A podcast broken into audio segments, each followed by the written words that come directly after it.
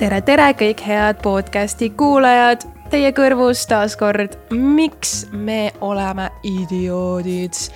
mina olen saatejuht Brit Suurraid ja minuga koos on kaasidioot Taavi Libe. tere, Taavi. tere, tere, meil on muide neljakümnes äh, episood. juubel kas see nelikümmend on juubel või? kas me ei ole mitte rääkinud sellest, et iga viies ja kümnes on ju juubel mm.? Kuigi me ei ole seda kordagi varem tähistanud, aga okei okay,, olgu see siis esimene kord. jah, tähistatud mm. -hmm. Läheme asja juurde, aga senise kolmekümne üheksa episoodi jooksul me oleme ikkagi pigem keskendunud inimestele ja inimestevahelistele suhetele ja idiootsustele. sedapuhku võtame siis äh, ühe teise liigi ette koos inimestega, ehk siis äh, meie podcast on alates tänasest liikide ülene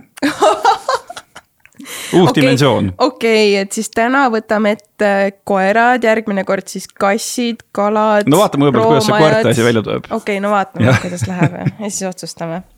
ja meiega on täna liitunud äh, koerte treener Eliise Valmis, tere Eliise. tere, tere, tänan kutsumast ja põhjus, miks me sind kutsusime tõesti, et äh, tegelikult ju no küll suuremad sellised skandaalsed äh, koerte rünnakute uudised jäid küll juba eelmisesse aastasse, aga no me teame kõik väga hästi, et äh, see ilmselt, see, see ei ole ainult eelmise aasta teema mm, -hmm. vaid see mhm. probleem on olnud väga pikalt tegelikult minu arust päris tihti ikkagi tuleb siukseid uudiseid, et jälle keegi kuskil kedagi ründas.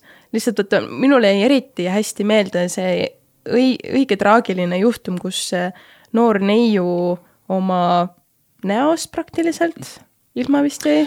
jaa, see oli vist äh, Põltsamaal ja seal oli vist äh, inimestel ka sotsiaalseid probleeme ja seda enam probleem oli nende koertega ja äh, ikkagi väga rasked vigastused olid sellel noorel neiul mm. -hmm. et kui, kui kursis äh, sina nende erinevate lugudega oled, mis kõik eelmisel aastal aset leidsid, neid oli päris mitu. Mm -hmm.. noh, ma ise ütlen ausalt, ma üritan neid uudiseid nagu üsna vähe lugeda, aga nad noh, paratamatult jõuavad minuni, sest et kõik teavad, et ma tegelen koertega. Et siis nii palju, kui mina olen süvenenud, siis see ikkagist on nagu, ma saan aru, et see probleem on väga suur, et see, mida meie näeme ja kuuleme uudistes, see on nagu ainult jäämäe tipp, et, et see lihtsalt on praegu rohkem kajastust saanud et aga noh, väga hea selles suhtes, et sellega on hakatud tegelema no räägime sinu taustast kõigepealt natukene. kuidas äh, sa said aru, et sa tahaksid äh, koertega nagu lähemalt tuttavaks saada, seda ka õppida ja kuidas see sinu, sinu äh, kuidas ma ütlen siis, see eriala õpe käinud on? no minule sattus see ellu täiesti juhuslikult, et mul ei ole olnud niimoodi, et ma lapsepõlvest tean, et ma nüüd tahan koertetreeneriks saada et äh, mind on alati nagu bioloogia valdkond huvitanud, aga siis äh, seitse aastat tagasi me otsustasime, või noh, siis mina otsustasin, on ju, et me tahaks võtta perre koera. ja kindel plaan oli, et see koer tuleb varjupaigast mingil põhjusel. Ja, ja siis, kui ma nüüd emale selle ettepaneku ette käisin, siis äh, oli tingimus, et kõigepealt teed endale selgeks. Koerad, kuidas neid treenida, noh, sest tema teab juba ette, et see tuleb nagu, on, hakkab olema minu töö ja siis ma kuidagi sattusin sinna teemasse nii sisse ja siis äh, me saime muidugi varjupaigast ka, võtsime küll kutsika, mis on siis äh, Šveitsi ja Saksa segu. noh, üks väga keeruline koer tegelikult, tal oli väga palju juba probleemkäitumisi, mistõttu ma pidin hakkama neid ju neid kohe lahendama, eks ju. ja siis ma kuidagi, see maailm nagu noh, mulle avanes nagu täiesti uus uks ja siis ma hakkasin õppima ja lugema selle kohta ja gümnaasiumis tegin esimese uurimistöö mis oligi siis koerte treenimise kohta, et see oli täiesti nagu bakavääriline, tegelikult ma tegin nagu topelt ületööd, aga mul lihtsalt oli nii põnev ja, ja siis ma liikusingi edasi ja hakkasin uurima, et kuidas siis on, kas siis on mingeid koole Eestis, kus saab treeneri pabereid teha. et äh, tegelikult ei olnud, ma leidsingi siis äh, Liisbeth Borgdevardi äh, kooli, mis on siis rahvusvaheline, et tuligi Norra treener Eestisse. tegin selle kursuse läbi aasta aega. ja siis avastasin enda jaoks siis mõtte, et võiks minna ülikooli ka ja avastasin loomabioloogia ala ja siis seda eriala õpetatakse ainult Inglismaal ja siis äh, seal ka, kuna on üsna lahtine õpe, saab äh, ise oma aineid valida, siis äh, ma suunasin hästi palju nagu koerte peale, et lõputöö oli samamoodi jälle varjupaiga koertega Inglismaal. et siis, kuidas nende stressi alandada, et, et sealt see teekond aluse, alguse sai mm. -hmm. no kui sa ütlesid, et selle esimese kutsika puhul, mis te võtsite sealt varjupaigast, sa said ka aru, et. et nagu mingisugused sellised äh, käitumisprobleemid on, mida tuleb lahendada. no see on juba esimene asi, ma kujutan ette, paljud inimesed võtavad nagu kutsika, toovad koju, vaatad natuke seal rahmeldab, pole nagu häda midagi, elame edasi, et, et mis need asjad olid, mis sa märkasid ja kuidas sa hakkasid nendega tegelema? noh, esimesed on need klassikalised asjad, et äh, ripub sul pluusi küljes, on ju, närib, noh, närib sul kapi ääri, igasuguseid asju, on ju tirib rihmas, klassikaline asi, hüppab peale, klassikaline probleem, et need on nagu läbivad, et äh, need on enamus kutsikad teevadki nii, sest see on paratamatult instinktiivne neil on ju mis oli nagu kõige suurem probleem, oli võib-olla toidu agressioon, et, et see oli otsene agress-, agressiivsus on ju, millega pidi kohe tegelema. mis see tähendab? Eh, no see tähendas siis seda, et, et ta oli juba sihuke kolm-neli kuud, ta näitas seda välja, et, et noh, see alguse sai tõenäoliselt sellest, et varjupaigas anti väga harva süüa.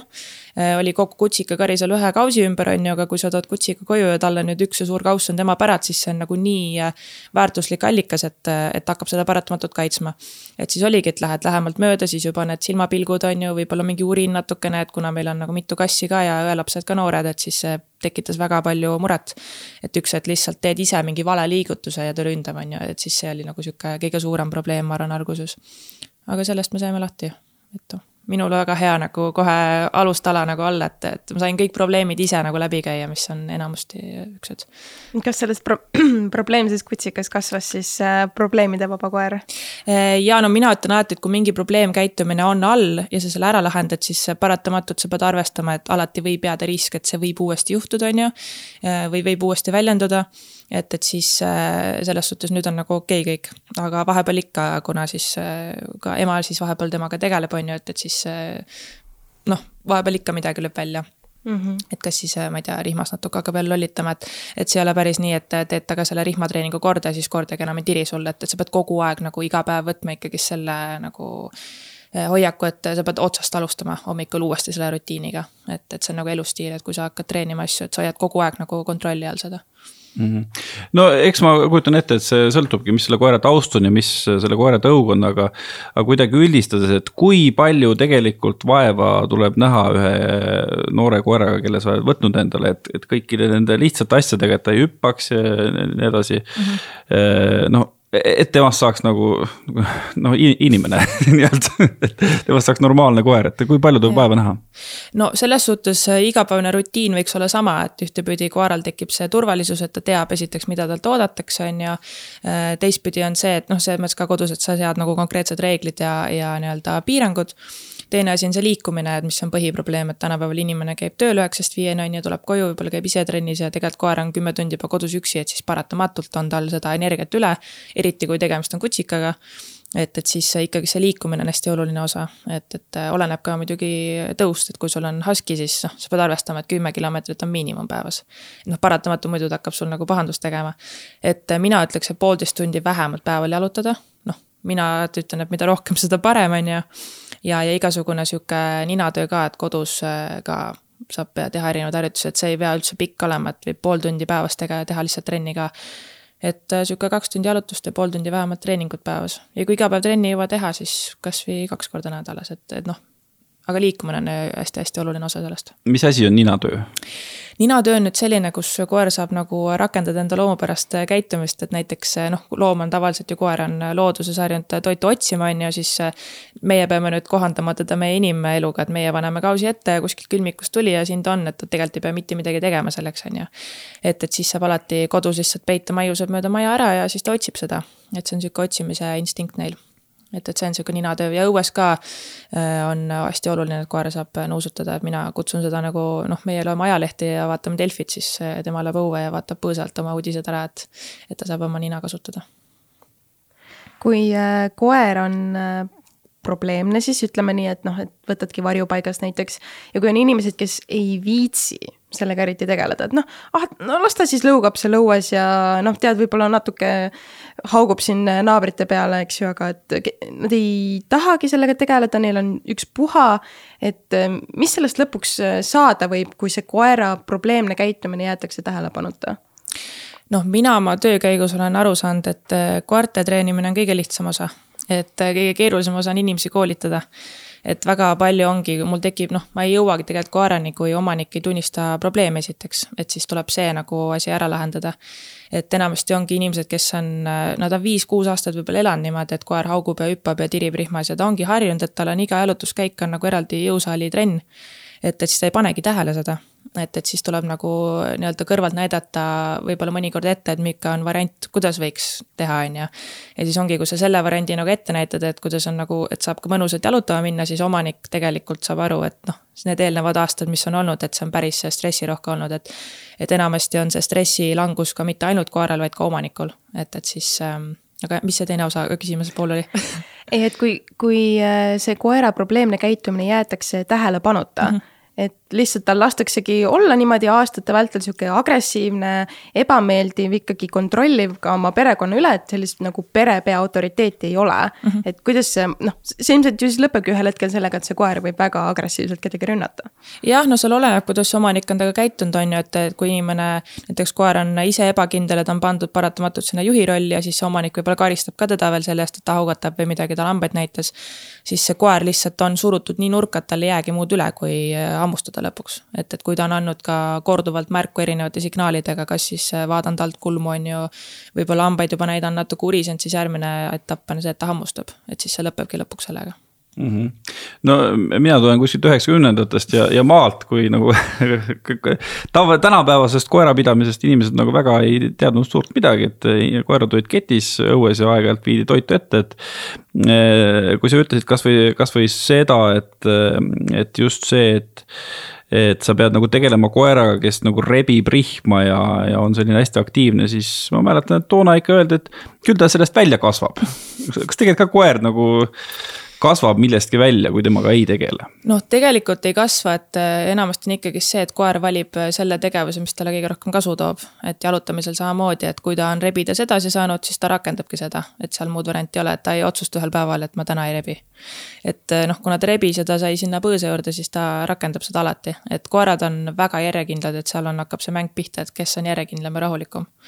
et, et siis äh, ega see välja sealt ei kasva kui korra nendest äh, rünnakutest veel, et äh, väga palju spekuleeriti siis, et noh, et kes siis süüdi on mm. -hmm. kas see koer on süüdi, koer tuleb magama panna, koer on paha või on ikkagi, ongi siis süüdi need inimesed, kes on lihtsalt äh, seda koera väga halvasti kohelnud ja ei ole teda õigesti kasvatanud no ma tahaks tegelikult pigem öelda, et siinkohal on inimesed süüdi, sest et äh, koer ei ole nagu selles mõttes sihuke emotsionaalne olend nagu inimene, et ta teeb teadliku valiku, et äh, ma nüüd lähen hammustan, siis ma saan nagu selle kätte, on ju, et ma teen meelega seda, et noh, koerad on loomad, esiteks, ja nad on instinktiivsed. ehk siis, kui talle on tehtud liiga, ta on nurka surutud, tal ei jäägi muud üle, on ju. inimene, kes on nurka surutud, võib-olla natuke analüüsib, et mis ma nüüd teen, eks ju. et, et seal on suur vahe mm. -hmm kui, kui teie võtsite selle koera varjupaigast, kas teile tehti ka mingi selline, ma ei tea, taustakontroll või et a la, et kuhu te selle koera täpselt viite, kes teil seal peres on, kuidas te teda kasvatama hakkate, et kas, kas teilt üldse siukseid küsimusi ka küsiti? mina ei mäleta, et oleks midagi olnud, et pigem oli nagu küsimus, et noh, kas teil on pastakad, millele allkiri, kuidas allkiri panna ja, ja siis raha, on ju. et ega seal tegelikult midagi ei olnud, me tulime kutsikasse üles koju ja väga nagu lihtsalt käis, et mitte mingit taustauuringut ei olnud null. see muidugi natuke jätab niisuguse mulje, et või mul tekib küsimus, et kas siis mõnes mõttes ei vastuta ka loomade varjupaigad selle eest? jaa, no see on ka sihuke üks teema, millega, mille üle ma olen nagu pead vangutanud, et kui meil on nagu autojuhiload, on ju, ja meil on relvaload ja meil on muud load, siis tegelikult koer klassifitseerub ju nagu külma relva alla, et tal on hambaid ja ta võib haiget teha. et ja ta on selline olend, keda tuleb paratamatult juhtida, et siis tuleks ka see pool, kes seda juhib, aru saada, kuidas see siis käib. et jah, varjupaigad on nagu kõige suurem probleem, see koht, sest et kennelis, kui sa võtad kutsika, on ju, kennel on mingi töö ära teinud juba ja, ja seal on ka see geneetiline taust nagu enamasti teada, on ju, kust ta tuleb. aga varjupaigas, noh, sa tegelikult ei tea, on ju, teiseks on see, et kui sul on täiskasvanud koer, ta on kuskilt Venemaalt toodud, ega noh, sa võid ainult aimata ta käitumise põhjal, mis on ta minevik olnud. et, et siis äh, peaks eriti nagu kontrollima seda, et inimesel tehakse kasvõi baaskoolitus, et äh, ma ei tea, õppida kasvõi koerte kehakeelt lugema. et noh, kuidas me saame nagu eeldada, et koer käitub hästi, kui me isegi ei saa temaga suhelda, et noh, me ei taha talle mingit sõnumit edast-, edastada. et sihuke koolituse pool just see, see toetus, et esiteks filtreerida välja inimesed, kes nagu tegelikult ei olegi kompetentsed või nad tegelikult saavadki aru, et noh, mul ei ole aega selle jaoks, et tegelikult see ei ole see, et võtan koera, panen kausi ette ja ta on mul kodus ja võib-olla käin jalutamas vahepeal. et, et teha see nagu keerulisemaks, et filtreerida välja need inimesed seda kohusetundlikkust ka nagu just sisse juurutada ja see, et sa võtad tegelikult endale ju noh, heal juhul kümme kuni viisteist aastat kohustust.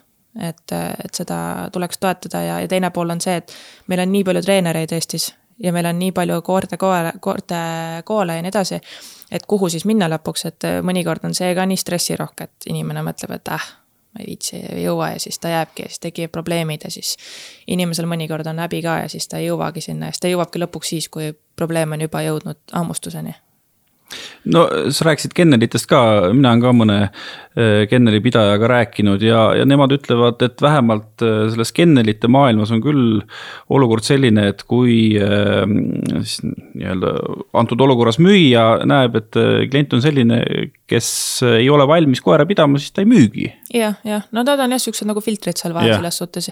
Ja teine osa on see ka, et noh, ma nagu kennelite seadustest nii palju ei ole süvenenud, aga aga on ka inimesi, kes võtavad enda rendilepingu alused koeri, et siis ongi, et eh, sina pead nii-öelda omanikuna pakkuma tagasi kasvatusvõimalust, et sa siis koera kasvatad, treenid, on ju. ta peab läbima mingid kindlad koolitused ja käima, ma ei tea, näitustel ja nii edasi, et olla nii-öelda aretusvõimeline, on ju. et siis inimene on juba sunnitud minema koertekooli. et kui inimene kennelist võtab, siis see probleem on kindlasti väiksem. aga jah, kõige suurem probleem on see varjupaigad just, et jätta sinna tagasi ei jõua mul on ja see, mul on üks äh, koeratõuk, keda ma väga endale tahan võtta ja siis ma kunagi lihtsalt natukene guugeldasin selle kohta ja siis ka vaatasin, et seal kennelis, et tõesti, et kõigepealt on umbes äh, mingi kohtumine, vestlus, ankeet tuleb kõik mm -hmm. ära täita ja siis nad umbes valivad seal, keda nad ikka, keda nad võtavad, et tundub tõesti, et äh, kui sa tahad nii-öelda puhast tõukoera, siis on küll see, et noh, nagu mingi kapo tuleks sulle mm -hmm. ukse taha nagu sinu kohta taustakontrolli tegema, aga varjupaigast võib lihtsalt iga inimene endale koera võtta. ja no sealt on esiteks see ka, et sa ju tegelikult ei maksa koera eest, et sa maksad need äh, mingisugused vaktsiinid ja operatsioonid võib-olla ära, on ju. aga kennelist sa võtad reaalselt, sa maksad selle koera eest, et see on nagu noh, kui keegi on teinud sadu aastaid tööd selle nimel, et seda tõugu hoida, siis kui keegi vahelt nagu teeb äh, valed muudatused, siis see tõug võib hakata arenema täiesti teises suunas või näiteks ma ei tea, mops on ju, kes on tegelikult mõnikord väga tihti ülearetatud, saksa lambakoer jälle ülearetatud et, et siis on see nagu probleemne, aga jah, varjupaigast tuleb sul mingisugune miks, on ju, võta, maksa vaktsiinid ära ja paber siia, allkiri alla ja ongi kõik põhimõtteliselt. et noh, neil on nagu eesmärk võimalikult kiirelt koerad välja saada varjupaigast. et ma saan aru, et sealtpoolt tuleb ka see probleem, et kui me paneme sinna veel mingid filtrid vahele, siis võib-olla tekib teiselt poolt äh, ummik, on ju. aga see ongi see küsimus, et miks nad siis sinna satuvad, on ju. Et nad satuvadki sinna, et on väga palju omanikke, kes lihtsalt saavad aru, et käib üle jõu halvimal juhul jäetakse kuskile puu külge ja niimoodi nad sinna satuvad no aga võtame siis selle potentsiaalse koeraomaniku ette. anna, anna soovitusi, mida see inimene peaks nagu endalt küsima ja mida ta peaks arvestama enda elustiili puhul.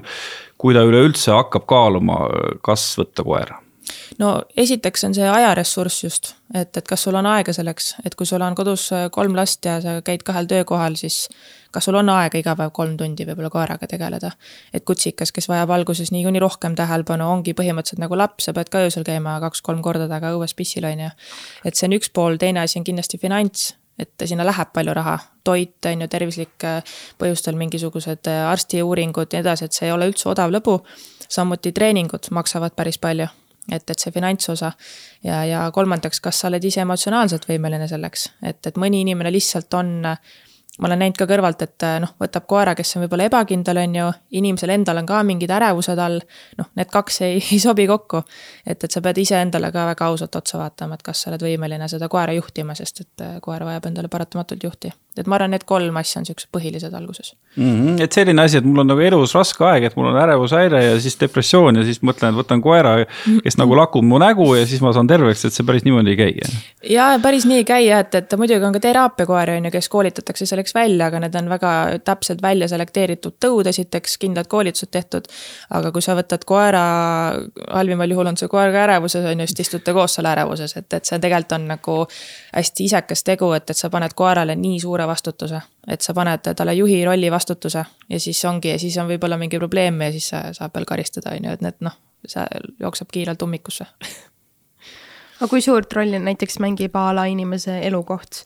Et noh, ma ise mõtlen, et aa, et, et kui võtta koer, kindlasti võiks ju olla, ma ei tea, maja ja aed, et tal oleks palju ruumi, aga samas minu arust praegu on jube trendikas, et kõik äh, korteriinimesed võtavad endale neid siukseid äh, hästi pisikesi koerakesi mm. -hmm. aga et kas pigem ikkagi võiks olla see, et sul on suurem pind elamiseks või need väiksemad koerad, noh, ongi, et ükspuha, et ta võib ka, ma ei tea, tassi sees istuda tal no selles suhtes äh, mina ütlen alati, et ma olen näinud ka huskisi, kes elavad korteris, on õnnelikumad kui huskid, kes elavad kuskil hoovis.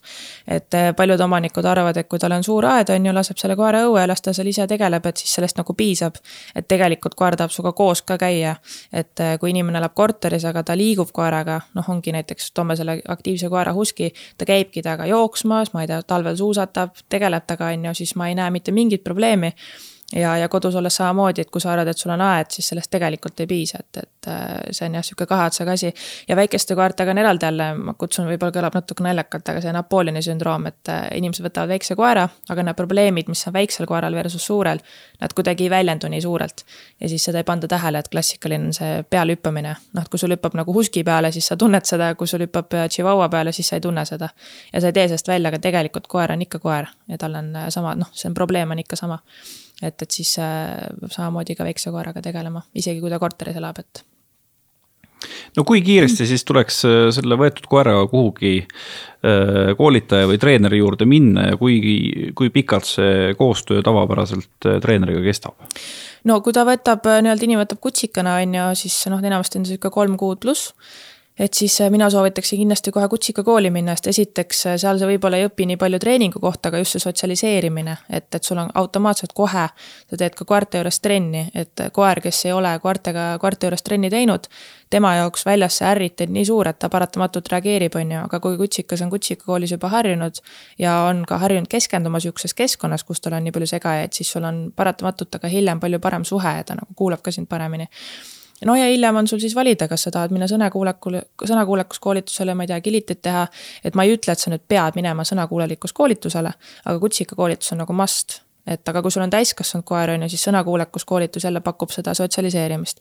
et, et äh, see, kui palju ta sul võib-olla käppa annab ja, ja sitsib, see on nagu sulle niisama noh, tema jaoks nagu ka meelelahutus teine osa on see kodukasvatus just, et see kodune rutiin, et see on minu jaoks kõige olulisem koht, et, et sul on see nagu roll on paigas, juhi roll paigas, koer teab oma reegleid ja, ja teil on palju rahulikum kooselu ja siis võib sinna juurde igasuguseid trikke, asju lisada. et pigem jah, sotsialiseerimise osa nagu kõige suurem pluss nagu selle treeningu juures. ja lisaks siis see, et noh, koer saab vaimset stimulatsiooni, on ju, ja sinuga suhe kogu aeg äh, läheb paremaks ja see usaldus just.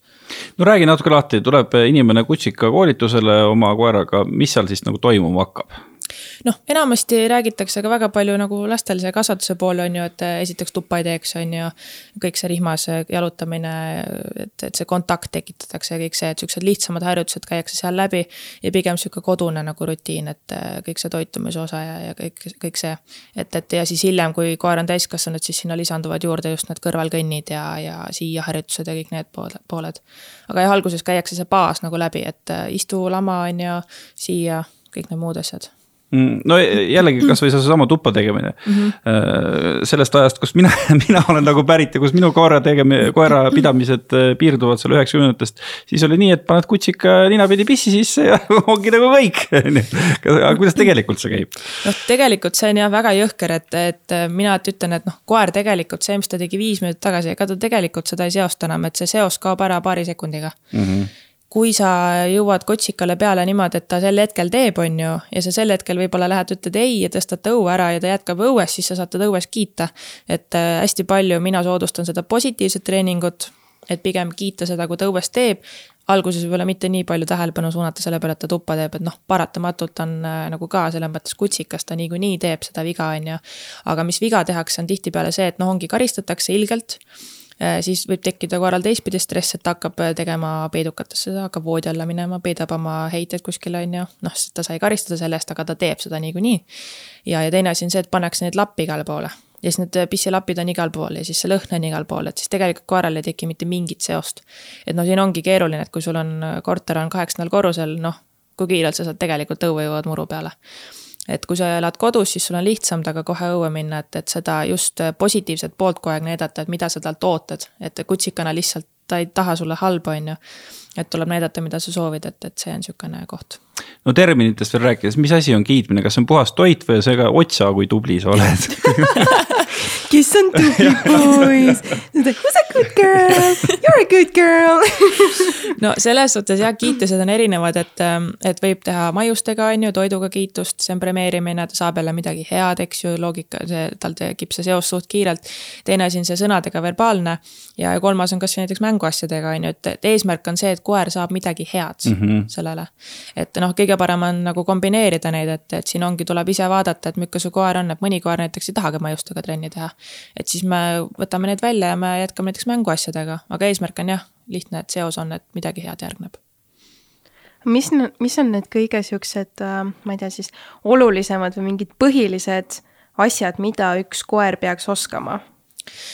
Noh, mina alguses äh, tahaksin ise alati, kui ma koju lähen ka, siis tihtipeale omanikud ütlevad, no ma tahan, et ta mul teeb nüüd neid trikke ja keerudusi ja asju, on ju, aga tegelikult koer ei tea oma piire üldse. et võiks alguses saada kodus need piirid paika. et äh, ei hüppa sulle otsa diivanil ja ei ripu sul pruusi küljes ja ei mängi hammastega ja ei varasta laua pealt toitu ja ühesõnaga need kohad, et ta nagu austab ka sinu ruumi, sina austad tema ruumi, et see on see, kust alustada et, et siis, kui sa selle juhi struktuuri nagu selle karja struktuuri üles ehitad, siis äh, teised probleemid tihtipeale lahustuvadki ära. et, kui koer on nagu rihma otsas reaktiivne, siis mõnikord, no seal oleneb ka, et kas see koer on nüüd nagu agressiivsusest reaktiivne või tal on mingisugune trauma all ja ta hirmust nagu bluffib ja kaitseb, on ju. et siis seal on paratamatult erinevad treeningmeetodid aga ongi, et kui, kui koer tunnistab sind kui juhina, siis äh, kõik ohud, mis koera ümbritsevad, eesmärk on see, et ta sulle otsa vaatab ja küsib, et mida me nüüd teeme sellega et, et sealt alustada ja siis saab igast muid trikke ka juurde panna. aga jah, põhiliselt on ikkagi see kontakt, millest kõik algab, et noh, see juhistruktuur juhistruktuuriks, aga kontakt alguses, et koer saab aru, et, et ta peab sinu otsa vaatama selleks, et saada mingit guidance'i nii-öelda juhtimist, on ju. ja siis äh, järgmiseks on näiteks kõrvalkõnd, on ju, mis paratamatult lihtsustab sinu väljas jalutust käiku, et ei ole see MyFitnessi treening tund seal õues ja, ja siis äh, siia harjutamine kindlasti väga oluline, et see on juba eluliselt oluline, et kui sul on mingisugune pall veereb kuskilt üle tee, siis koer ei jookse auto alla, vaid ta tuleb sinu juurde. et see on nagu hästi, tuleb kohe madalast peale nagu kinnistada talle.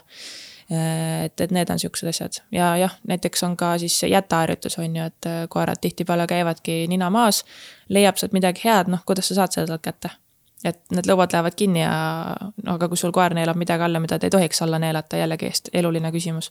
et ta õpib lahti laskma asjadest. kui see hierarhia on juba paigast ära läinud ja koer kuidagi tunneb ennast juhina, siis äh, kas on alati võimalik äh, ümber koolitada äh, see koer või, või ühel hetkel tuleb nagu käed püsti tõsta et, et siin ei ole midagi teha? No seal oleneb ka, et kui kaugele see asi on läinud, on ju, et kui koeral on nagu veremaitse juba suus ära käinud, siis tegelikult see ruum jääb alati, et sa võid seal seda struktuuri nii hästi paigas hoida kui võimalik. aga seal jääb alati see errori ruum, et ta võib uuesti seda teha. aga tegelikult on see, et, et nagu ma ütlesin ka ennem, et, et see ei ole nagu ainult see, et teen nädal aega trenni ära, nüüd äh, nagu kinnistub. et tegelikult iga hommik, kui sa üles ärkad ja koeraga uuesti nagu kokku saad, on ju, siis hakkab uuesti päev alg-, nagu otsast peale. struktuur hakkab otsast peale, et koer tegelikult kogu kogu aeg jälgib, et tegelikult karjas ka, karjastruktuur kogu aeg on muutumises. et sa pead kogu aeg hoidma nagu seda kindlat rutiini. et selles suhtes äh, jah, struktuuriga on võimalik väga palju probleeme eraldada, aga sa pead alati olema valmis selleks, eeldama nii-öelda nagu selles mõttes, et seal on ruumi, et ta teeb vea. et sa pead ise väga nagu valvel olema ja jälgima ja seal ongi, tuleb just mängu see koera kehakeele tundmine. et, et sa, tema ju tegelikult, sina suhtled sõnadega, tema suhtlebki kehaga. aga kui seda kehakeelt ei loe, siis äh, läheb info mööda ja noh siis juhtuvad õnnetused. kuidas see kontakti loomine käib? Kontakti loomine on tegelikult üli-ülilihtne harjutus, et, et seal ongi see koht, et koer peab sulle silma vaatama, panedki ta maiusega enda ette istuma ja hakkad tegema et, et see on sihuke harjutus, mida sa saad igal pool jälle rakendada, et ongi, kui ta sulle silma vaatab, kiitussõna, maius, väga lihtne. ja seda saab teha samamoodi uksest väljudes, on ju, ma ei tea, aiast väljudes, toitu ette pannes, teed ületades, igal pool. et jällegi see, et ta saab aru, kui ta sulle otsa vaatab, järgneb midagi head. ja see ongi igasuguse harjutuse algus ja lõpp et kogu aeg see kontakt, et, et mõnikord ongi, koer on viieaastane ja ta pole kunagi kontakti teinud. ja siis me alustamegi sellest ja me teeme kaks sessiooni kontaktiga mm. -hmm. kui äh, korra vaadata ka nende koera tõugude otsa, et minu arust äh, tihti kuidagi vaata, inimestel on mingite tõugudega siuksed eelarvamused, et a la -hmm. näiteks sellised pitbullid on ju. väga hirmsad, agressiivsed, alati kurjad, tead, siuksed äh, vastikud koerad, neid mm -hmm. küll kindlasti ei võta et äh, kui, kas need peavad paika või on ikkagi jälle asi lihtsalt kasvatuses ja tegelikult ei ole sellist asja nagu agressiivne tõug ja mitteagressiivne tõug? no natuke on seal tõepõhja ka all, et, et mina alati võtan selle järgi, et koer on eelkõige loom, on ju, ja siis on ta tõug alles, et siis ma vaatan seda tõugu. Et ma olen teinud Amstaffidega väga palju tööd, kes on tegelikult super koerad, keda treenida, aga nad lihtsalt on väga julged ja jõulised ja enamustel nendel koertel nagu puudub igasugune hirm, eks ju. ja kui sa paned sinna juurde omaniku, kes võib-olla karistab teda kogu aeg ja arvabki, et noh, Amstaff, tugev tõug peab nagu jõuliselt kasvatama, eks ju. siis tal on paratamatult julgust rohkem, et äh, liikuda oma noh, edasi oma katsetustega, et jõuab asi hammustuseni. Aga ma ei ütle kunagi, et Amstaff on äh, agressiivsem koer kui labrador näiteks, et on ka agressiivseid labradore, et noh, ükskõik mis tõug võib sul olla agressiivne. aga kindlasti nii palju on seal tõepõhja all, et, äh, et Amstaffid ja igast muud tõud on lihtsalt julgemad oma loomult, et neil seda hirmu on vähem et ja siis on teiselt poolt jälle koerad, kes on nagu väiksemad koerad, tihtipeale on siuksed äh, rohkem ärevuses, on ju, et, et siis nad teistpidi kaitsevad ennast, et. Et ta on tõuga seotud, mõnes mõttes ei ole ka, et seal on see kombinatsioon sellest ka, milline see omanik on oma olemuselt, et, et mis hoiaku ta võtab selle koera osas, et. mõni ongi arvamusel, et koera tuleb ainult nagu piitsaga treenida ja saab ainult keelata, keelata, keelata aga noh, inimesena sa tead ka, on ju, et kui sind kogu aeg keelatakse, siis sul lõpuks nagu kaob tuju ära ja sul kaob usaldus ära ja sa ei tahagi enam teha. et sa ei usalda, et sa ei tahagi, noh, sa ei kuula enam omanikku. et see on see jah. mis värk on sellega, et kui on need siuksed väiksed koerad, siis nad on reeglina alati hästi valjud, klähvivad mm -hmm. väga palju et siis ma alati mõtlen, et huvitav, et kas nad kompenseerivad seda, et nad on nii väiksed, et siis nad on hästi valjud lihtsalt.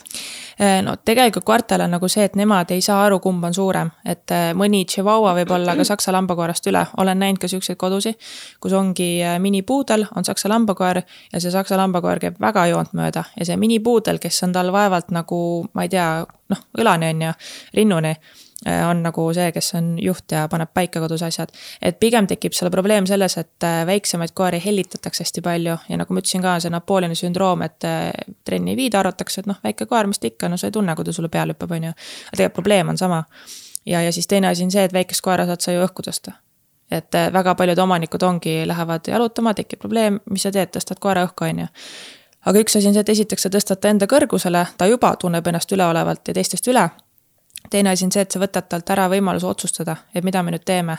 et äh, kui ta on seal maas, siis sa saad teda hakata juhtima, siis hakkab nagu mingisugune juhi rolli staatus pihta seal või mingisugune juhtimine ja treening. aga jah, võetakse sülle ja teine noh, mis ma ütlesin ennem ka, et see hellitamine just, et ülehellitamine on jälle teistpidi probleem.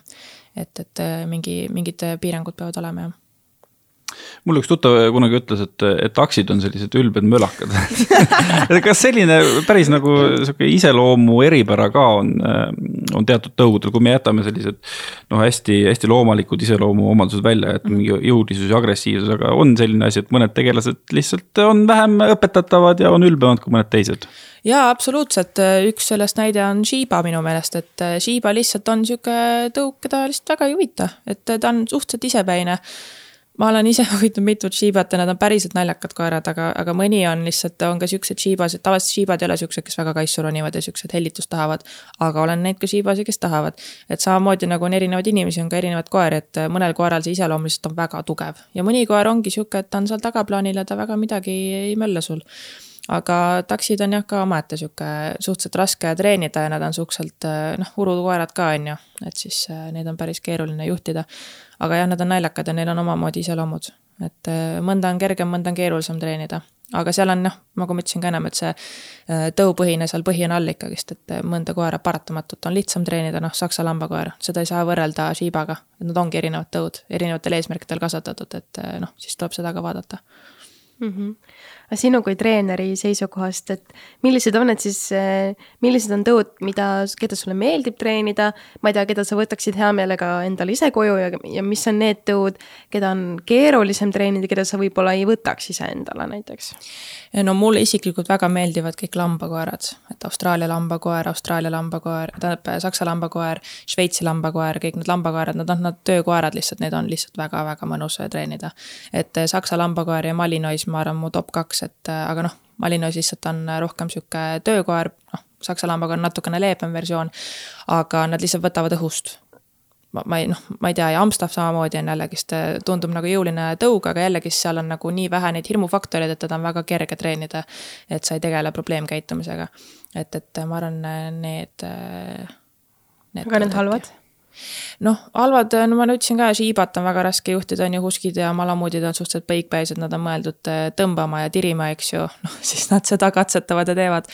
taksid on ju, cocker spanielid äh, igast väiksemad koerad ka, aga näiteks väiksematest koertest papiljoon mulle meeldib väga, et eh, nad on küll mõeldud nagu kasvatati ka kunagi Prantsuse valvekoeraks, aga nad eh, väga hästi teevad agility't näiteks, et nad on väga mobiilsed koerad. Ja no labrador samamoodi tegelikult on suhteliselt rahulik, sihuke mõnus perekoer ja Šveitsi lambakoer, noh seda vist mainisin jah, et, et aga lambakoerad, ma arvan, on sihuke top üks mul. No kui inimene on tõesti võtnud eh, koera varjupaigast või ühesõnaga ei ole nagu kennelist võtnud, siis ähm, anna juhised ka, kuidas sellest rägastikust leida õige koht, kuhu üldse nagu koeratreeneri juurde või koolitusele minna, ma kujutan ette, et, et selles perekonnas on ka natuke musti lambaid või? Äh, jah, no ma ütlesin ka, et, et hästi palju on treenereid, et äh, noh, üks koht on koeraomanike grupp, et paratamatult sihuke otse refereering, refereering on kõige parem et, et uurida siis sealt grupist, et seal on vist äkki mingisugune ikka mitukümmend tuhat äh, jälgijat on, et sinna kirjutada, uurida, et kindlasti tuleb väga palju soovitusi, noh, sealt sa juba näed äh, ära filtreerida välja, keda rohkem soovitatakse. ja siis peab lihtsalt hakkama katsetama, et eks seal sõltub ka, mis sul see eesmärk on, et, ähm, et väga paljud treenerid tegelevad kindla mingi valdkonnaga, et kas siis mingi agility, ma ei tea, sõnakuulelikkus, IPO ja nii edasi. ja teine pool on siis käitumisspetsialistid, et ma ei, nüüd ei tea täpselt, kui palju, noh, mulle tundub, et neid on vähem, et enamus treenerid äh, tegelevadki konkreetsete harjutustega. mina tegelen probleemide lahendamistega ja sinna juurde lisan harjutusi. et uurida gruppidest, noh siis kindlasti tuttavatelt, kindlasti on koeri, on ju, võib sealt uurida. et pigem soovituste kaudu, et, et aga seal ongi selle see ka, et mingi treener võib kellelegi sobida, aga ei sobi sulle, et ühtepidi sul peab treeneriga klappima, on ju, ja teiseks sul peab see meetod sobima, et mõni meetod sulle lihtsalt ei sobi, et mul on ka alguses ma katsetasin igasuguseid meetodeid ja ma käisin äh, mitmete erinevate treenerite juures, aga mõni meetod mulle ei sobinud isiklikult. ja kuna mul sellega mingit klikki ei tekkinud, siis noh, ma ei saa ka sellest lõpuni välja aru ja koer on ka segaduses. et, et vaadata ja katsetada lihtsalt. no näiteks, mis sa mõtled selle mõni meetod ei sobi no.? Noh, mõni treener näiteks on, kasutab ainult positiivset treeningut mm, -hmm. et mina nagu olen arvamusel, et natuke tuleb seda, noh, see piitsa präänik tuleb sisse et, et ma ei ütle siin seda, et kohe, noh, mõni arvab kohe, et negatiivne treening kohe mingi karistus, on ju, aga negatiivne tingimine võib ka see olla, et sa ütled ei. või ma ei tea, annad talle, ma ei tea, ongi sõnaliselt märku, on ju, või, või, või treeningrihmaga korrigeerid, et need on erinevaid meetodeid. aga sinna peab järgnema kohe positiivne nii-öelda kiitus, kui ta teeb midagi hästi. et see on nagu kõige suurem, kõige pikk, nii-öelda, mis kõige pikem, kõige lühem shortcut tegelikult me võime ka positiivsete meetoditega minna, aga see on päris pikk teekond ja paljud probleemid ei saa lõplikku lahendust. ja väga paljud kliendid, kes minu juurde jõuavad, jõuavadki treenerite juures, kes on nagu kasutanud ainult positiivset treeningut. Ja noh, koer tegelikult teeb oma jamas edasi, sest et tal ei ole kunagi öeldud, mida ta ei tohi teha ja siis kardetakse neid nagu piire ja reegleid seada, et arvatakse, et koerale tehakse liiga, eks ju, aga tegelikult sa võtad koeralt ära nii palju stressi, kui ta teab ju, mida ta kodus teha tohib. et kui ta saab kuskil pragada, on ju järsku, aga ta ei tea, et seal oli mingisugune või piir läks, siis tal võib tekkida stress ja ta on sihuke ettearvamatu keskkond, et see nagu paika saada. et uuridagi treenerilt kohe, et mis meetodit te kasutate mina kasutangi kombineeritud meetodit ja siis nii-öelda karjahierarhia meetodit, et, et oleks see võimalikult loomupärane. Et äh, väga paljud teevad seda karjahierarhia meetodit ka maha siiamaani et, et mingis ma-, mastaabis jah, me ei saa minna nagu näiteks noh, Caesar Milan on üks näide sellest, kes kasutab hästi palju seda dominantsusmeetodit, mina seda ei poolda üldse. sest et kui sa pead hakkama koera domineerima, on ju, siis tegelikult sa oled juba kaotanud oma juhi rolli, et sa ei pea kogu aeg ennast kehtestama, et äh, koeral ka, koertel instinktiivselt sa oled kas juht või sa ei ole juht, et, et, et siis seda nagu kombineerida. et, et just mina muudangi hästi loomupäraseks selle tegevuse et hästi, hästi palju juba aktiveerida nagu karja, karjastruktuuri peegeldavaid äh, nii-öelda meetodeid ja, ja käitumist, et äh, me oleme paratamatud inimesed, siis me peame õppima nagu ka koerte keeles suhtlema ja integreerima neid nagu meie maailma, et mõlemad läbi saaksid mm. -hmm. kui äh, kui tihti minust äh, räägitakse laste kasvatamisest näiteks mm, -hmm. siis mul on küll vahel niisugune tunne, et nii palju, kui on äh, lapsevanemaid, on ka kasvatusmeetodeid mm -hmm.. noh, igal emal-isal on äh, omad mingid võtted, nõksud, asjad, mida nemad kasutavad, arvavad, et see on ainuõige, lapsi tulebki just täpselt niimoodi kasvatada, nagu mina seda teen. ja mõistavad hukka kõiki teisi, kes ei kasvata oma lapsi päris niimoodi. et kas, kas koerte kasvatamisel on, saab samamoodi läheneda niimoodi hästi vabalt ja loominguliselt, ah, mina kasvatan oma koera koer on täpselt nii, nagu mina tahan ja see ongi õige. või koerad ikkagi on selles suhtes, äh, tuleb kasvatada kuidagi teatud moodi, et nad oleksid nii-öelda siis täisväärtuslikud pereliikmed no seal on kindlasti mingisugused siuksed baasasjad, mis võiks olla paigas kodus, noh, nagu ma enne mainisin ka, et need piirangud just sealt nüüd edasi need harjutused ja muud, need sõltub ka tõust, et, et kui sul on nagu huski, siis paratamatult sa pead talle võimaldama mingit võimalust äh, olla huski. et sa pead vaatama selle järgi ka natuke, et kindlasti ei ole mingit kindlat meetodit, et peab katsetama erinevaid asju, et äh, ma võin tuua enda koera pealt jälle hea näite ja mul on ka üks kliendi koer väga sarnane minu koeraga. mõnele koerale, kui ta sulle peale hüppab, on ju, ja ta, ja sa teda nii-öelda keelad siis sõnaliselt, mõnele sellest piisab ja ta saab sellest aru. minu koera jaoks on see mäng negatiivne tähelepanu on väga äge tähelepanu. ja siis kuidas sa siis nagu toimetad, on ju. et see ongi, et mõni meetod toimib ühe koera puhul, mõni meetod teise koera puhul ei toimi, et sa pead katsetama seda, et, et seal ei ole kindlasti ühte, ühte viisi, et mõne puhul ongi, ma võin talle anda mingit treeningu, nad, ma vaatan ka koera järgi ka ja omaniku järgi ka. et üks asi toimib, teine ei toimi, et seal on jälle katsetamise küsimus et aga mingid asjad on, on baasasjad, nagu näiteks see karjastruktuur, et ma seda kogu aeg nagu rõhutan ja sealt ma alustan alati, et need alustalad paika saada, siis me saame edasi vaadata. Kui juba lastest juttu oli, siis eh, eks väga paljudes peredes need jutuajamised, kas võtta koer või, või mitte võtta koera, tulevad ikkagi sellest, et ma ei tea, lapsed hakkavad rääkima, nüüd oleks vaja võtta koera, et eh, kuidas sulle nagu tundub, kui sa oled ka kõrvalt vaadanud, et et äh, mis vanuses tegelikult üks noor inimene on valmis olema koera peremees, et kui mingi kaheksa aastane juntsu tahab nagu võtta koera, kas see on nagu reaalne ka, et kaheksa aastasest saab koera peremees äh, või hoolitseja selles mm. peres või see on ikkagi siis lapsevanema koer? no ma pigem ütleksin, et see on lapsevanema koer, et minu meelest on väga hirmuäratav näha tänaval, mõni käibki, kümneaastane käib suure saksa lambakoeraga jalutamas. aga ma mainisin ka enne, et tegelikult koer on, klassifitseerub natuke külma relva alla, sest et ta võib iga hetk rünnata, on ju, see kümneaastane ei hoia seda koera kinni. ja siis tekivad probleemid et äh, mina arvan, et kui laps tahab koera, siis muidugi väga hea koht, kus lapsele õpetada kohusetunnet, on ju, ütledki, et okei okay,, võtame hoiukoera näiteks endale, väga paljud tahavad endale koera hoidu anda kes on võimalik, ma ei tea, äkki tuttav keegi, on ju, ja olete nädal aega ja siis käitegi täpselt graafiku alusel, ma arvan, nädal aega see laps saab aru, et ta ei taha hommikul kell kaheksa ärgata ja käia tund aega õues vihma ja pori ja mis iganes ilmaga jalutamas, on ju. et see selgeks teha. Või siis lähed varjupaika, võtad, käite koertega jalutamas jällegist hea teene varjupaigale ja koertele aga näidata, kui palju kohusetunnet sellega kaasneb, et noh, finants jääb niikuinii sinu kanda kui lapsevanemana. et, et ja kui ta pärast seda ka äkki ikkagi ütleb, et, et ta, ta on nõus, on ju, siis sa pead arvestama, et tegelikult päris palju kohustusest jääb niikuinii ka sinu kanda, et siis sa pead ise ka selleks valmis olema. aga kui see laps on juba, ma ei tea, viisteist, kuusteist, noh, tal on tõenäoliselt natuke rohkem seda kohusetunnet. et siis äh, isegi võib kaaluda, aga jällegist hästi nagu võtta väga-väga ettevaatlikult seda, et pigem võtta nädal aega koer jalutamas käia, võib-olla varjupaigas. katsetada vaadata, et kaua ta nagu vastu peab, et mõnikord on see kõige parem on just see näide sellest kutsika furoorist, et on kutsikas, on ju, nii nunnu, aasta aega nii nunnu. ja siis aasta pärast hakkavad probleemid tekkima yeah. ja siis tekivad need territoriaalsused ja vot siis hakkab nagu päriselu pihta alles. ja siis saadakse aru mõnikord, et ah, see ikkagist ei ole mulle ja siis ongi tegelikult väga kurb, et see koer siis antakse edasi kuskile perre või halvimal juhul satub varjupaika. kui sa enne mainisid, et äh, need lood, mis jõudsid meediani, on kõigest sihuke jäämäe tipp tegelikult ja Eestis on neid probleemseid koeri ja probleemseid koeraomanikke väga palju, et kui palju neist sinu juurde üldse satub või et kes on need, kes sinu juurde, juurde reeglina tulevad, et kas need on mingid inimesed, kes on kuidagi võtnudki, ma ei tea, aastaid tagasi juba selle koera ja oh shit, et tegelikult ma ei ole teda absoluutselt osanud mitte kunagi kasvatada ja see kõik asi on juba üle käte läinud. või sinu juurde tullakse ka ikkagi juba selles algfaasis, kui see koer on alles võetud seal on äh, mõlemat varianti on selles suhtes, et noh, minul ongi, kõik ongi probleemkoerad et see on nagu minu sihuke eraldi, mis mind kõige rohkem huvitab. hoiukoerte puhul samamoodi, et enamus ei taha ma nagu probleemset koera tavalisse kodusse hoidu anda, et siis ma võtan probleemkoer endale hoida ja tegelen nendega. Et need on erinevatest vanustest äh, seinast seina. Aga, aga jah, enamasti satutakse siis alles juba, kui endal on nagu mure tekkinud või on juba midagi juhtunud või siis kõrvalt keegi tuttav on refereerinud nii-öelda öelnud ja et noh, kuule, tegelikult ei ole okei. Okay..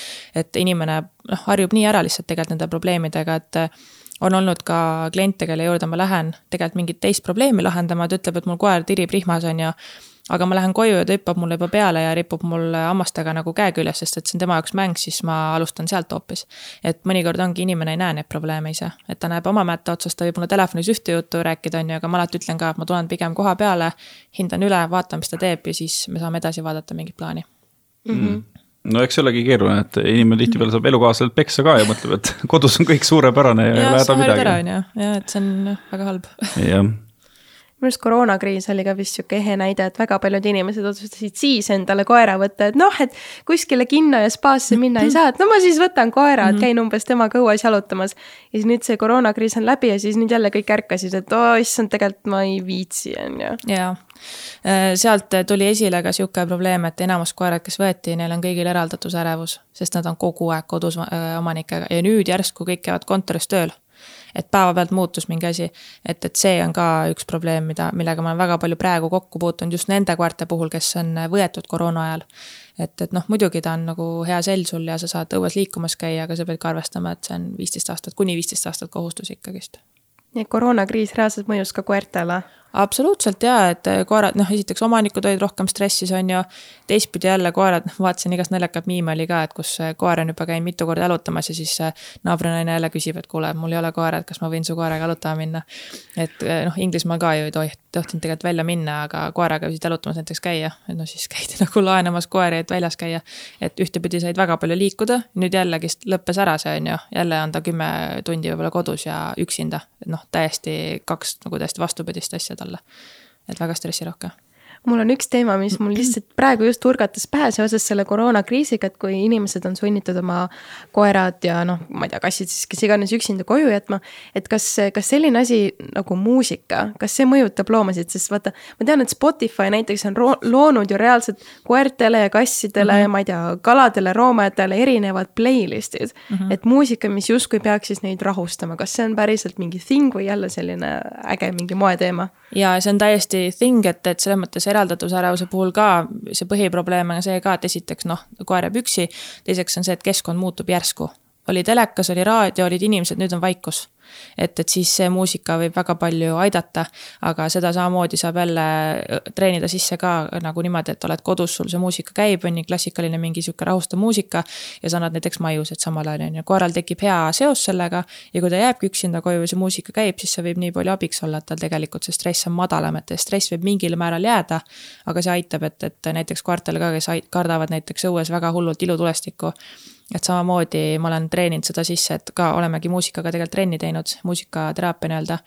et olemegi andnud maiuseid, paitusi, väga mõnus, kõik on väga rahulik ja koer ise rahuneb ja siis hiljem, kui näiteks see olukord peaks tekkima, et õues on mingid paugud, sa saad selle muusika peale panna ja tal on mingi, kutsun seda emotsionaalseks ankuriks, et, et see aitab, et nagu meil inimestena on ka mõnikord need stressipallid on ju, mis meid rahustavad, et siis koera, koerte jaoks võib olla see näiteks heliteraapia mm. -hmm.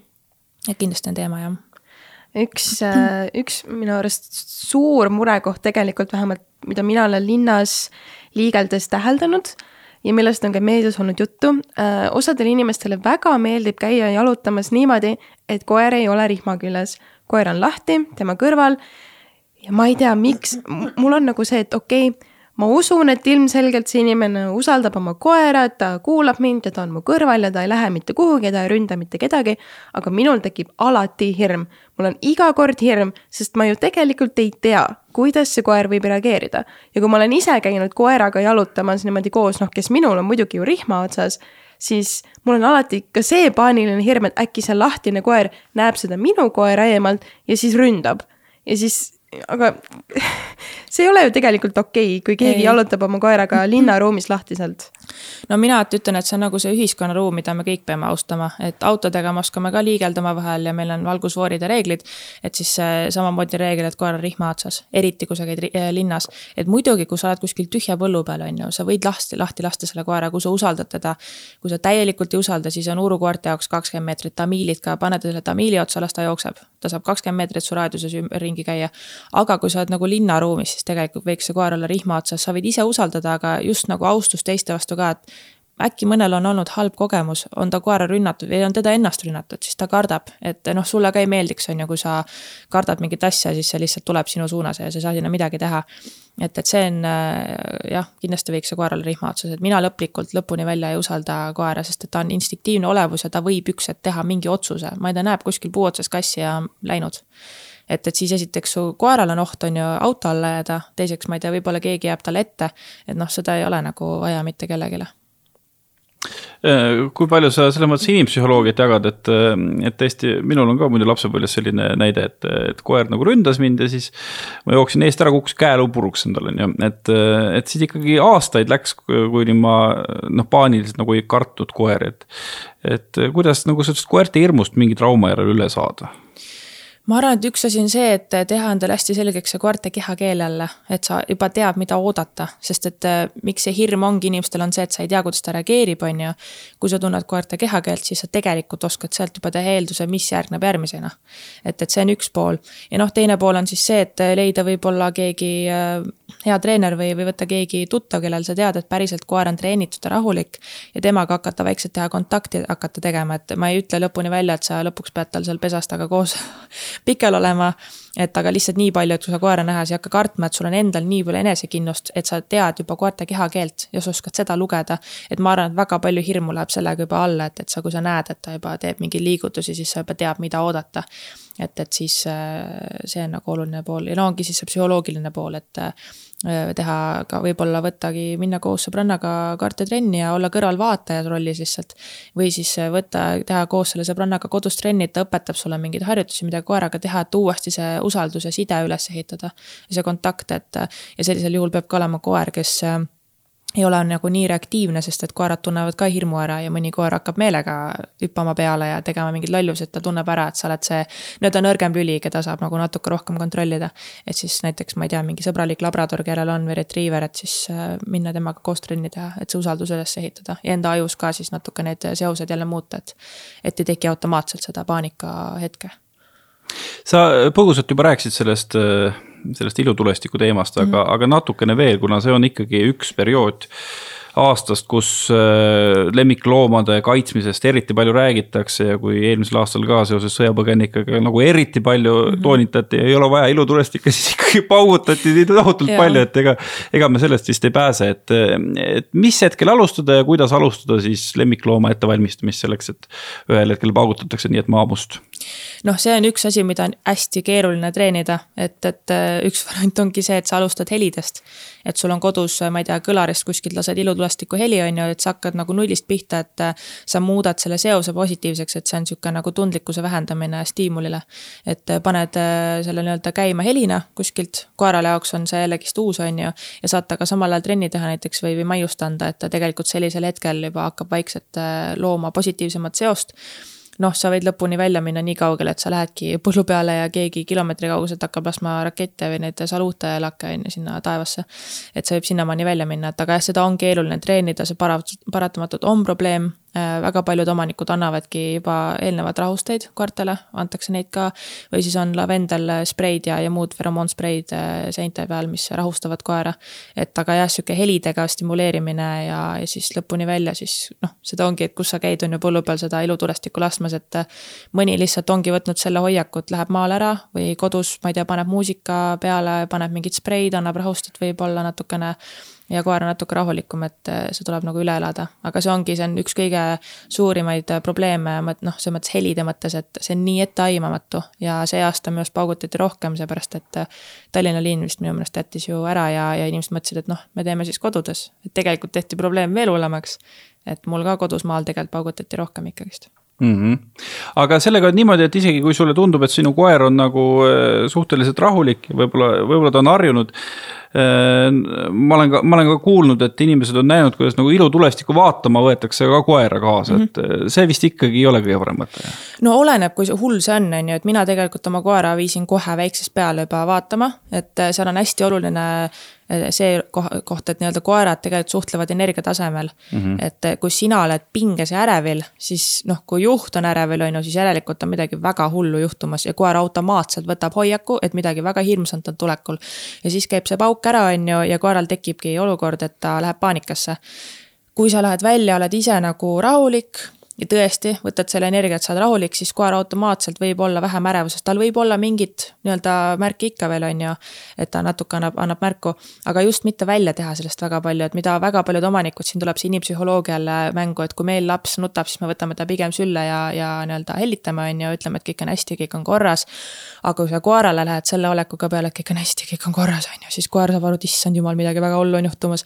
et tegelikult just pigem mõnikord mitte välja teha, öelda, et aa, mingid paugud käivad, et kõik on hästi et, et see automaatselt tegelikult äh, nagu pöörab äh, nagu täitsa ümber selle mängu. Et ja võib-olla võib ka õues siis, ma ei tea, kui ta on suuteline koera keskenduma, võib talle maiust anda, kui ta on rahulikus olekus, mitte siis, kui ta stressi äh, nii-öelda sümptomid välja näitab, et siis me kiidame jälle seda käitumist, on ju. et samamoodi ei tohiks tegelikult paitada, kui koer on ärevil, jällegist täitsa vastand, mida me teeksime inimesena et kui me paitame koera, siis tegelikult see on ka kiitus, et see käitumine on hea ja siis mõnikord ongi, see koer on kogu aeg saanud seda hirmu, seda energiat, neid paitusi ja siis ta nagu ainult seda käitumist näitabki. et siis äh, pigem suunata kas tähelepanu eemale mingi mänguga või, või midagi positiivset tuua mängu sinna mm. -hmm noh, nüüd me oleme peaaegu tund aega rääkinud sellest ja eh, noh, sa, sa võtad seda nagu nii kuidagi noh, romantikavabalt sa oled näinud seda filmi Marley ja mina või? see on üks mu lemmikfilme, ma olen seda näinud vähemalt viis korda, ma iga kord nutan, nii et oh pähe pole. ma, ma, ma käisin seda kinos vaatamas, ma nutsin nii kõvasti, et ja. ma vandusin, et ma ei vaata seda filmi mitte kunagi enam ja, ja ma ei olegi seda ja vaadanud. ma olen korduvalt vaadanud ja ma iga kord nutan. täitsa lõpp, miks sa teed seda endale? ma ei tea, aga ta. mingi masohhist lihtsalt. aga see, see on ju kuidagi selline noh, niivõrd romantiseeritud inimese ja, ja koera suhe. Ja samas, kui sina vaatad nagu oma pilguga seda, seal on vist kõik valesti, jah? tead, ma ütlen sulle ausalt, ma vaatasin seda filmi nii ammu, et äh, seal oli vist, minu arust oli labrador. Yeah.. jah, et äh, tead, ma ütlen sulle ausalt, ma jään sulle vastuse võlgu praegu no,. kes, kes täpselt. nagu lammutas toas ringi mm -hmm. ja tegi kõiki asju ja ma ei tea, ilastas ja, ja, ja sõi ja. ikka palju pahandusi oli jah. ja, ja, ja see oli ja. nii romantiseeritud, et see ongi nüüd selline tõeline inimese ja koera vaheline armastus, las ta teeb midagi, et me ikkagi nagu armastame teda, tegelikult vist päris elu selline ei peaks olema. noh, mina ütlen kliendile, et mina võin näha mingeid probleeme, on ju, aga kui see sulle probleemi ei valmista, siis noh nii ongi, eks ju. et kui ta on sul diivani peal, tahab istuda sul on see okei okay,, siis on okei okay.. aga kui ma näen, et see võiks väga palju muuta treeningus ja selles probleemkäitumises midagi, siis ma ka seda mainin, et tegelikult võiks sellega tegeleda. et ongi, inimesed harjuvad jälle ära, annavad väga palju andeks, sest noh, ta on meie koer, ta on meie pereliige, on ju, ta saab hästi palju armastust ja hellitust ja kardetakse distsiplineerida, siis lastaksegi tal lammutada. aga see ongi, et tihtipeale noh, tehakse neid pilte ka, kus koer on padja ära, ära lammutanud ja mingid kapi ääred ära närinud, et, et väga nunnu ja, ja naljakas mõne jaoks, on ju. aga tegelikult koer on mingi äärmises stressis ja lammutabki sellepärast, et tal ei ole kuskile panna seda stressi ja, ja seda energiat, kui ta liigub ka vähe. et mõnes mõttes on see teistpidi tegelikult kurb, et väga paljudel on see nagu meelelahutus mm, -hmm. aga mhm. tegelikult koera vaatevinklist on see stressirohke, väga stressirohke elu. et see ei ole midagi sellist, et jäi pidu, et padi on katki ja suled lendavad, ilgelt lahe on olla koeral, tegelikult on halvasti tal. no asjad. pigem võib-olla tal jah, pigem stress, et äh, kui on kutsikas, noh mul ka kutsikas äh, vahepeal, kui kuuled, et vaiknen on ju, siis saad aru, et kuskil juba midagi toimub ja siis lähed vaatad, vetsupabeриrull on nagu väikesteks tükkideks hakitud. noh, siis see on naljakas, ta on teinud seda seepärast, et tal oli igav näiteks võib-olla on ju, sest ta tahab rohkem seda stimulatsiooni. aga koer on just nagu täiskasvanu ja see on hakanud hullult närima ja siis ikka veel närib, noh kutsikas niikuinii närib, on ju, tal on vaja avastada suuga ja see natuke võib-olla taandub, kui sa pakud talle mingeid alternatiivvariante, eks ju, ta saab seda maandada ja hambad ja kõik asjad, mis tulevad. aga kui täiskasvanu eas viieaastane koer ka veel lammutab sul pattu ja lõhub, siis tegelikult see ei ole enam okei okay.. et mingid asjad, nagu sa ütlesid ka, jah, mingitest asjadest mõnes mõttes nagu kasvatakse välja ka koos juhindamisega. aga teiselt poolt äh, täiskasvanud koer nagu tegelikult näitab jah stressi, stressisümptomeid no mina ei ole pikka aega koera nagu omanud, kus sul, Brit on? Äh, no mul on ka ikka juba aastaid sellest. Äh, miks peaks inimene võtma koera või miks võiks võtta, mida koera võtmine inimesele annab, räägi kasvõi enda kogemusest noh, ma, see on ka ära teostatud teaduslikult on ju, et tegelikult koeraga nagu koera paitamine ja koera kõrvalolek tegelikult tõstab meie dopamiini taset. et äh, inimese jaoks koer on nagu väga lojaalne pereliige, et kui kass on pigem sihuke isekas, kuskil istub kapi otsas ja ütleb, et anna süüa ja nüüd ma rohkem pai ei taha. siis koer on see, kes kookseb sul kogu aeg järgi, tahab meele järgi olla. et äh, minul nagu Covidi ajal ka koer aitas väga palju, sellepärast et ma sain temaga liikuda, et just see liikumine pool ka lisaks sellele siis see, et ta pakub sulle ka nagu heaoluhormooni on ju ja nii-öelda nii-öelda seda nii-öelda dopamiini. aga liikumine, sest me liigume nii vähe, et inimestena me istumegi kontoritooli peal üheksast viieni, siis me sõidame autoga või bussiga koju, on ju. noh, parimal tegelikult noh, jalgsi on kõige parem, on ju, see on ainuke viis, kui me jalutame võib-olla. et jalutamine, ma arvan, ja liikumine ja, ja kolmandaks see sotsialiseerumine, et, et võib-olla ongi, meil on nii nagu sihukest stampelu ja rutiin, et see koertekoolis käimine ka pakub uusi inimesi sulle, mul tuli väga palju uusi inimesi ellu tänu sellele kohtusin väga paljude sama nii-öelda mindset'iga inimestega, et see avardab väga palju enda nagu sõprusringi ka veel lisaks sellele. noh, ja siis noh, tervis ikkagi, see liikumine.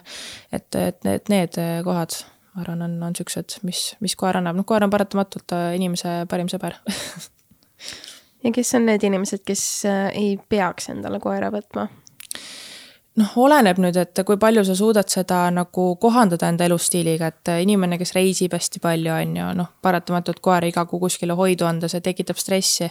et sa pead sellega arvestama, et, et sihukene ähm, unpredictable, kuidas see eesti keeles on? etteaimamatu. ja etteaimamatu keskkond on nagu stressirohke koerale, et kui sa reisid ja liigud hästi palju. et aga kui on näiteks võimalik seda koera sinuga kaasas hoida, näiteks väiksemaid koeri on kergem kaasas tassida, et on inimesi ju, kes reisivad, ma ei tea, lennukite ja käivad Saaremaal bussiga ja autoga ja pole mitte mingit probleemi, sest koer on harjunud sellega et siis absoluutselt, sa võid su koera võtta, kui sa oled liikuva elustiiliga. noh, ma mõtlen siis kodude vahel ja, ja ta selles mõttes. aga kui sa jah, ikkagist istud kontoris väga pikalt ja oled pikad päevad ära, et siis noh see tegelikult ei ole hea, kui koer on kümme tundi kodus. et, et mida kauem sina oled ära, seda rohkem tegelikult pead sina tööd tegema, et koerale pakkuda mingit väljundit, et sa pead hästi, nagu ma ütlesin ka ennem, nagu endale otsa vaatama adekvaatselt.